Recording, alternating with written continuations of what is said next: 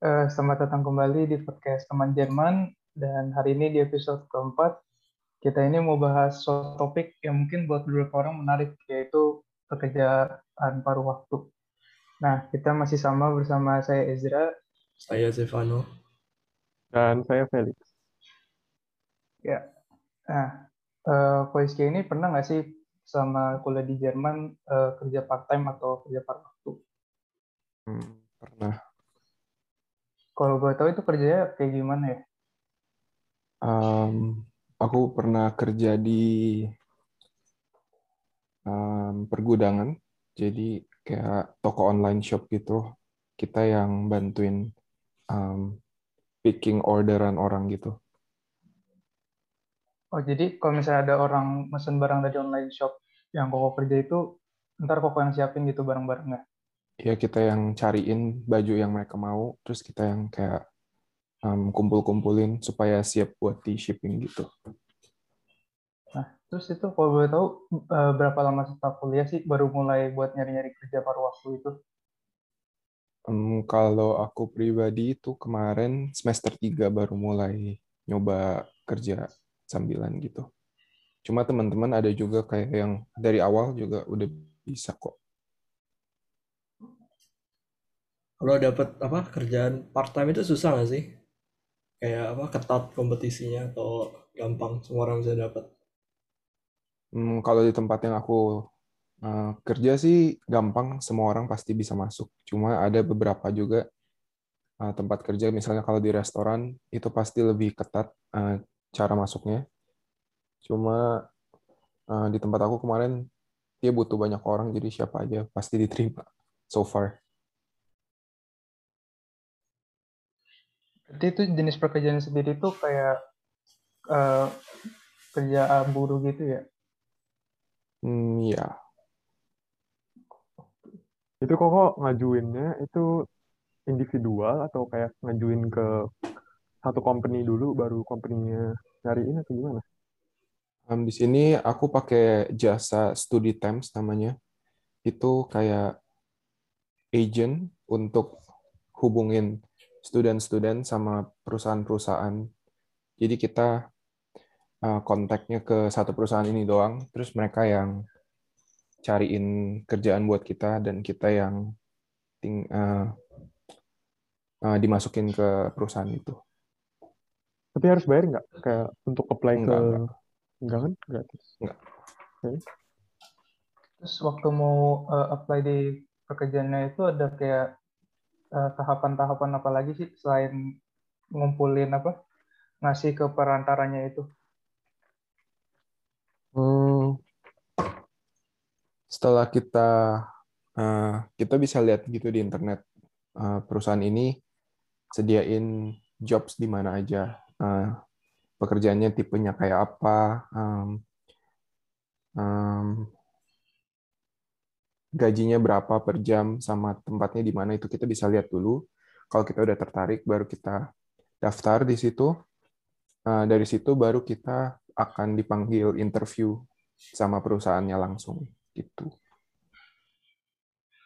Jadi tetap harus ada interview juga ya? Mm -mm. Oh. Jadi bisa ditolak dong, technically. Hmm, maybe untuk perusahaan yang lebih ketat mungkin. Oke, okay. wow. Terus, terus, uh, oke, okay, dulu, Oke. Okay. Terus pengalaman apa aja sih yang bisa didapat dari pekerjaan paruh waktu yang kau alamin sendiri deh? Pengalaman, pengalaman apa ya maksudnya? Maksudnya kayak uh, uh, pembelajaran apa? Gitu, iya. Hmm, hmm, hmm, hmm. Paling in general kayak work ethic aja sih, karena kan ini uh, pekerjaannya nggak ada hubungannya sama kuliah. Jadi lebih kayak mereka tuh ada sistem kalau kita telat 15 menit, itu kita sebelumnya udah harus bilang dulu, walaupun mungkin kelihatannya kecil ya 15 menit. Terus kayak um, semuanya udah terstruktur gitu, kita pakai kartu juga, walaupun kerja di gudang. Jadi kita masuk uh, tap in, tap out. Um, itu sih sama paling um, kerja eh belajar komunikasi aja sama kolega-kolega baru yang ada yang lebih tua juga kan di situ jadi kita lebih bisa adaptasi sama orang-orang baru gitu.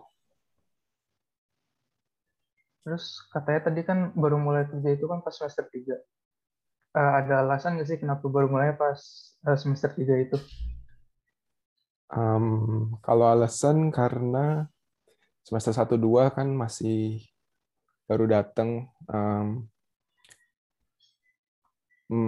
membiasakan diri dulu dengan perkuliahan dengan dosen juga itu semua bahasa Jermannya langsung kayak cepet banget kan. Jadi kita belajar juga di rumah harus belajar lebih lagi karena kita punya harus take time buat kayak baca buku atau uh, baca catatan kita lagi. Karena biasa di kelas mereka ngomongnya cepet banget gitu kan. Terus kebetulan juga karena corona uh, semester 2 sama 3 itu kan online di sini. Jadi mulai semester 3 itu aku baru mulai coba cari-cari pekerjaan dan tergantung juga sih sama jurusannya. Kalau jurusan aku dari semester 1 aja udah banyak uh, labor ke ke unit terus kayak tiap hari. Jadi jadwalnya juga nggak sefleksibel itu. Kalau apa orang biasa kerja part time tuh kerja sebagai apa sih? Ada tadi katanya restoran ya ketat. Terus uh, ada iya, restoran lagi? restoran. Kayak McDonald's Subway uh, KFC terus kalau nggak restoran di sini ada kayak Gojek namanya Liverando tapi pakai sepeda sepeda listrik. Jadi kita student uh, ada um, waktu yang harus dipenuhi per minggu gitu, setahu aku. Jadi kita tinggal uh, masukin aja mau hari apa. Misalnya hari Senin sama Kamis setiap setiap hari berapa jam. Nanti kita juga dikasih sepedanya sama seragam. Jadi kita kayak kayak Gojek di Indo sih. Jadi dapat orderan di HP, kita ambil di restoran, terus dianterin ke rumahnya gitu. Oh pernah? Enggak, aku nggak pernah. Cuma ada temen sih. Uh -uh. Terus di pergudangan banyak sih. Kayak di DHL, Hermes itu kayak kayak JNE gitu. Itu juga pekerjaannya kurang lebih sama kayak aku sih, ambil-ambil barang gitu. Ya apa? Koko ada alasan nggak sih kenapa pilih apa kerjaan itu? Apa karena itu yang gampang didapat? Iya, itu gampang yang didapat sama uh, jadwalnya fleksibel banget. Kita seminggu minimal kerja sekali doang. Terus bisa pilih harinya apa aja selain itu. Mungkin kita apa sekarang ke apa biaya. Banyak yang pengen tahu sih uh, berapa biaya kuliah di Jerman. Bener banget. Uh, especially yeah. mungkin di Hanover. Koko tinggal di Hanover. Ya kuliah kalau dari pemerintah Jerman kan udah ditetapin ya kita harus uh, punya uang buat hidup setahun itu sekitar 10.000 euro.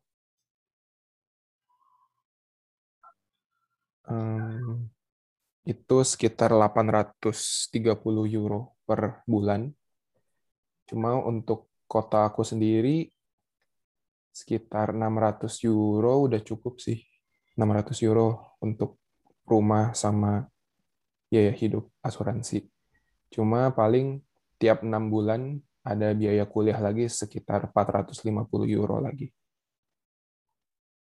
Oh, jadi kalau di Hanover itu 600 euro itu udah ke cover sama biaya apa tempat tinggal sama asuransi juga? Udah sama biaya makan juga udah 600-an. Berarti bisa dibilang Hannover termasuk murah ya dibanding kota-kota lain di Jerman. Hmm, aku nggak tahu kalau yang lebih murah. Kayaknya ada, cuma kalau lebih mahal jauh lebih banyak sih. Nah, terus kan kayak di München gitu. Oh, terus kalau tadi katanya kan biaya yang diperlukan buat pokok hidup itu sebulan di sana berarti sekitar 600 sampai 700 lah ya. Hmm. Eh, dengan waktu itu kau bekerja paruh waktu menolong nggak sih pengeluarannya itu atau nggak ngefek? Menolong itu kerjanya kurang lebih bisa menghasilkan sekitar 300 sampai 600 juga tergantung seberapa sering. Cuma oh eh, per jamnya itu aku sih digaji 10 euro. Itu 10 euro itu termasuk biasa, tinggi atau rendah buat part time? 10 10 normal sih. Di sini em, bia- eh, gaji paling rendahnya itu 9, koma berapa gitu. Cuma tempat aku kemarin 10, 10-an. Terus tadi Koko bilang kan, eh, ada biaya kuliah lagi 400. Itu bervariasi atau emang semua di Hanover dan di kota lain mungkin? Itu Oh, kalau itu juga bayar 400? bervariasi. Kalau itu biaya kuliah kebetulan di tempat aku termasuk yang lumayan mahal, 450. Itu karena ter- termasuk semester tiket juga, kita bisa naik kereta ke seluruh Niedersachsen. Jadi mahalnya katanya sih di situ. Kalau uni-uni lain yang jangkauan semester tiketnya lebih kecil itu bisa dari 150 sampai 300-an per 6 semester. Eh, 4 per 6 bulan. Mungkin ada yang nggak tahu Niedersachsen itu apa kali? Boleh dijelasin lagi nggak? Oh, Niedersachsen itu ne- salah satu negara bagian di Jerman. Jadi kayak Hmm. hmm, kan ada ada berapa ya? 17 or 13 negara bagian. Terus Niedersachsen salah satunya. Oke. Jadi kayak provinsi nggak sih? Ya nggak sih? Ya, kayak states di USA gitu sih lebih gede dari provinsi kayaknya. Oke.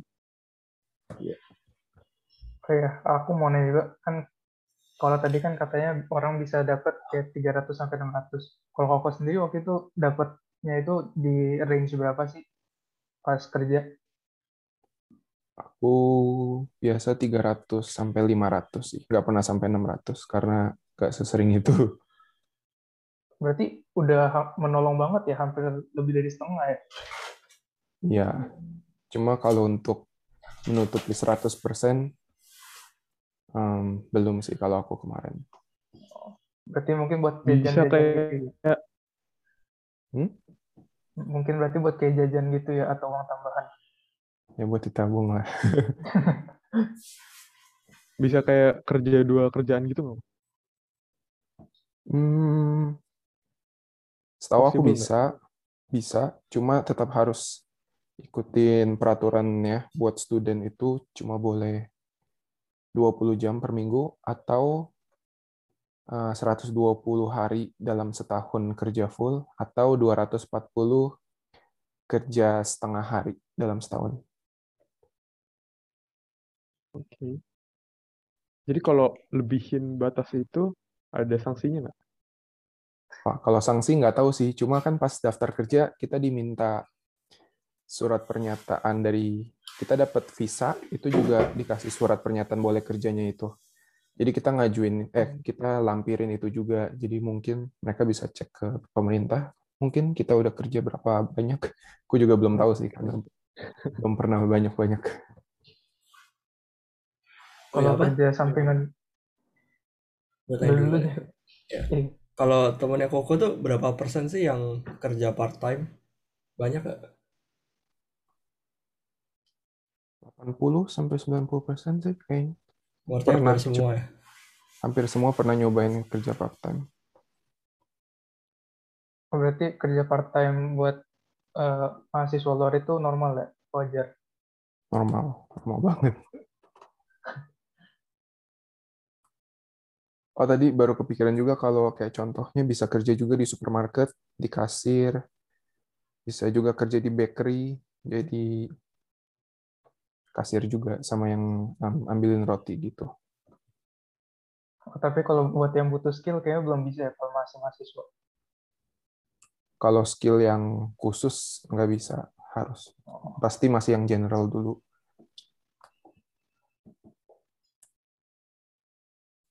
Terus lanjut deh. Eh, pekerjaan paruh waktu itu di Jerman menurut Koko ya, ganggu atau enggak sih kayak untuk kuliah gitu? Kayak mungkin ada yang Hmm. tabrakan atau jadi sibuk banget. Itu tergantung juga sih uh, peraturan tempat kerjanya. Kalau yang fleksibel kayak aku bisa seminggu sekali, sebenarnya masih bisa. Apalagi tuh bisa hari Sabtu juga. Cuma kalau yang kontrak kerjanya jamnya itu uh, ketat dan tidak bisa diubah-ubah, mungkin itu baru jadi masalah. Cuma karena sekarang juga masih online, aku rasa uh, orang-orang jadi banyak yang kerja karena kita uh, nonton um, lecture-nya itu bisa atur sendiri kan mau kapan kayak gitu. Cuma nanti kalau udah presence lagi, menurut aku agak susah sih. Oke. Okay. Kalau kakak sendiri udah kerja part time itu berapa lama? Hmm, lima bulan gitu. Cuma sekarang udah nggak kerja lagi sih. Oh, udah nggak kerja part time lagi? Udah nggak. Uh, kenapa emang? Kemarin um, uh, coronanya kan udah corona cases di tempat aku udah menurun. Terus juga uh, jadi aku udah boleh labor lagi ke uni dan itu harus setiap hari ke uni. Jadi aku berhenti kerja gitu. Sama okay. udah klausur klausur uh, waktu buat klausur gitu, kayak bulan-bulan klausur. Jadi berfokus sama kuliahnya ya? Iya.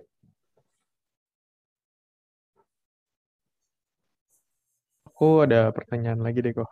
Agak nggak make sense sih, tapi mungkin nggak sih kayak Koko sendiri nih cover biaya untuk hidup di Jerman, kuliah di Jerman sendiri gitu, pakai pekerjaan per waktu. Mungkin nggak? Hmm, Mungkin mungkin aja sih kayaknya. Cuma pasti harus sacrifice kuliahnya nggak bisa full uh, itunya sih effortnya kayaknya. Kalau full apa biayanya di cover sama sendiri. Tapi aku belum pernah hitung ini sih, hitung dari ketetapan pekerjaannya yang 20 240 hari setahun itu bisa sampai buat cover biaya hidup setahun apa enggak. Karena kalau kita udah lebih dari itu kan technically secara hukum kita nggak boleh kerja lagi kan.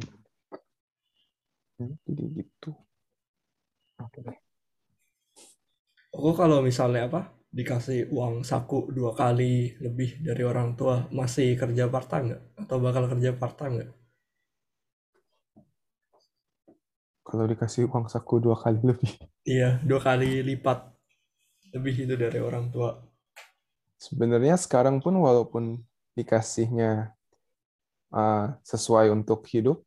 Kalau nanti kuliahnya apa ada free time lagi, pasti kerja part time lagi sih why not? Buat CV ya, bagusin CV. Enggak CV juga sih, kagak bisa masuk CV kayaknya itu. Oh, bosen aja. Oh. Mungkin next question. Uh, Koko nih ada apa rekomendasi buat murid-murid yang pengen part time kayak uh, kerjaan yang cocok tuh apa yang paling enak? Kalau menurut aku kerja kayak aku sih udah paling enak. Nah, waktunya bisa pilih sendiri terus kita juga kontaknya sama perusahaan yang khusus buat students. Jadi dia udah tahu masalah student kayak apa visanya gimana. Uh, kita boleh kerja berapa lama juga. Dia udah cover semua. Bahkan kalau um, izin kerja kita udah habis dia yang ingetin gitu kita nggak boleh kerja dulu sebelum kita uh, update di websitenya gitu. Itu kan tadi koko bilang apa uh, kalau kerjaan kayak restoran gitu uh, ketat itu kenapa pada pengen ke situ sih hmm. kenapa ya ya gak apa-apa nyoba kerja aja sih Bukan karena apa? Ketat, Lebih ketatnya gede gitu karena gajinya atau apa? Enggak juga sih, sama aja. Mungkin karena lokasi juga kan. Kalau restoran bisa deket rumah, bisa deket uni. Kalau aku kayak pergudangan itu uh, agak di sisi luar kota juga, kayak sejam gitu ke sananya.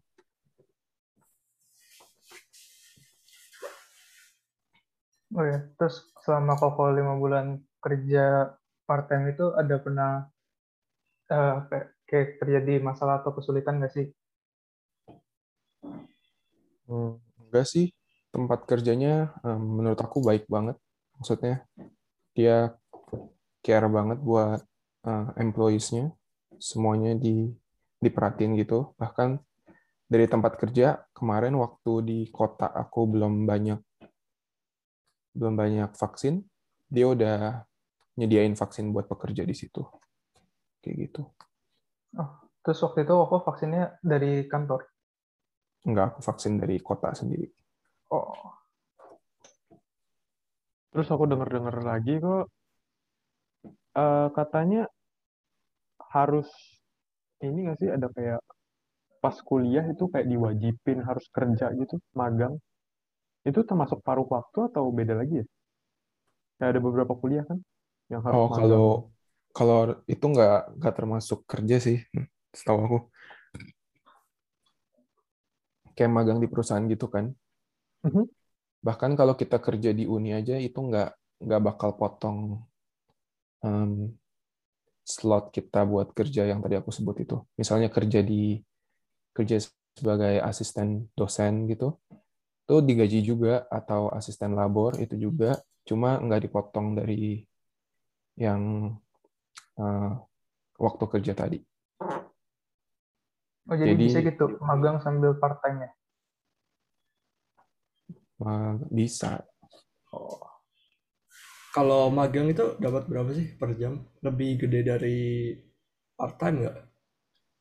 Kalau magang aku nggak tahu deh, belum sampai sana.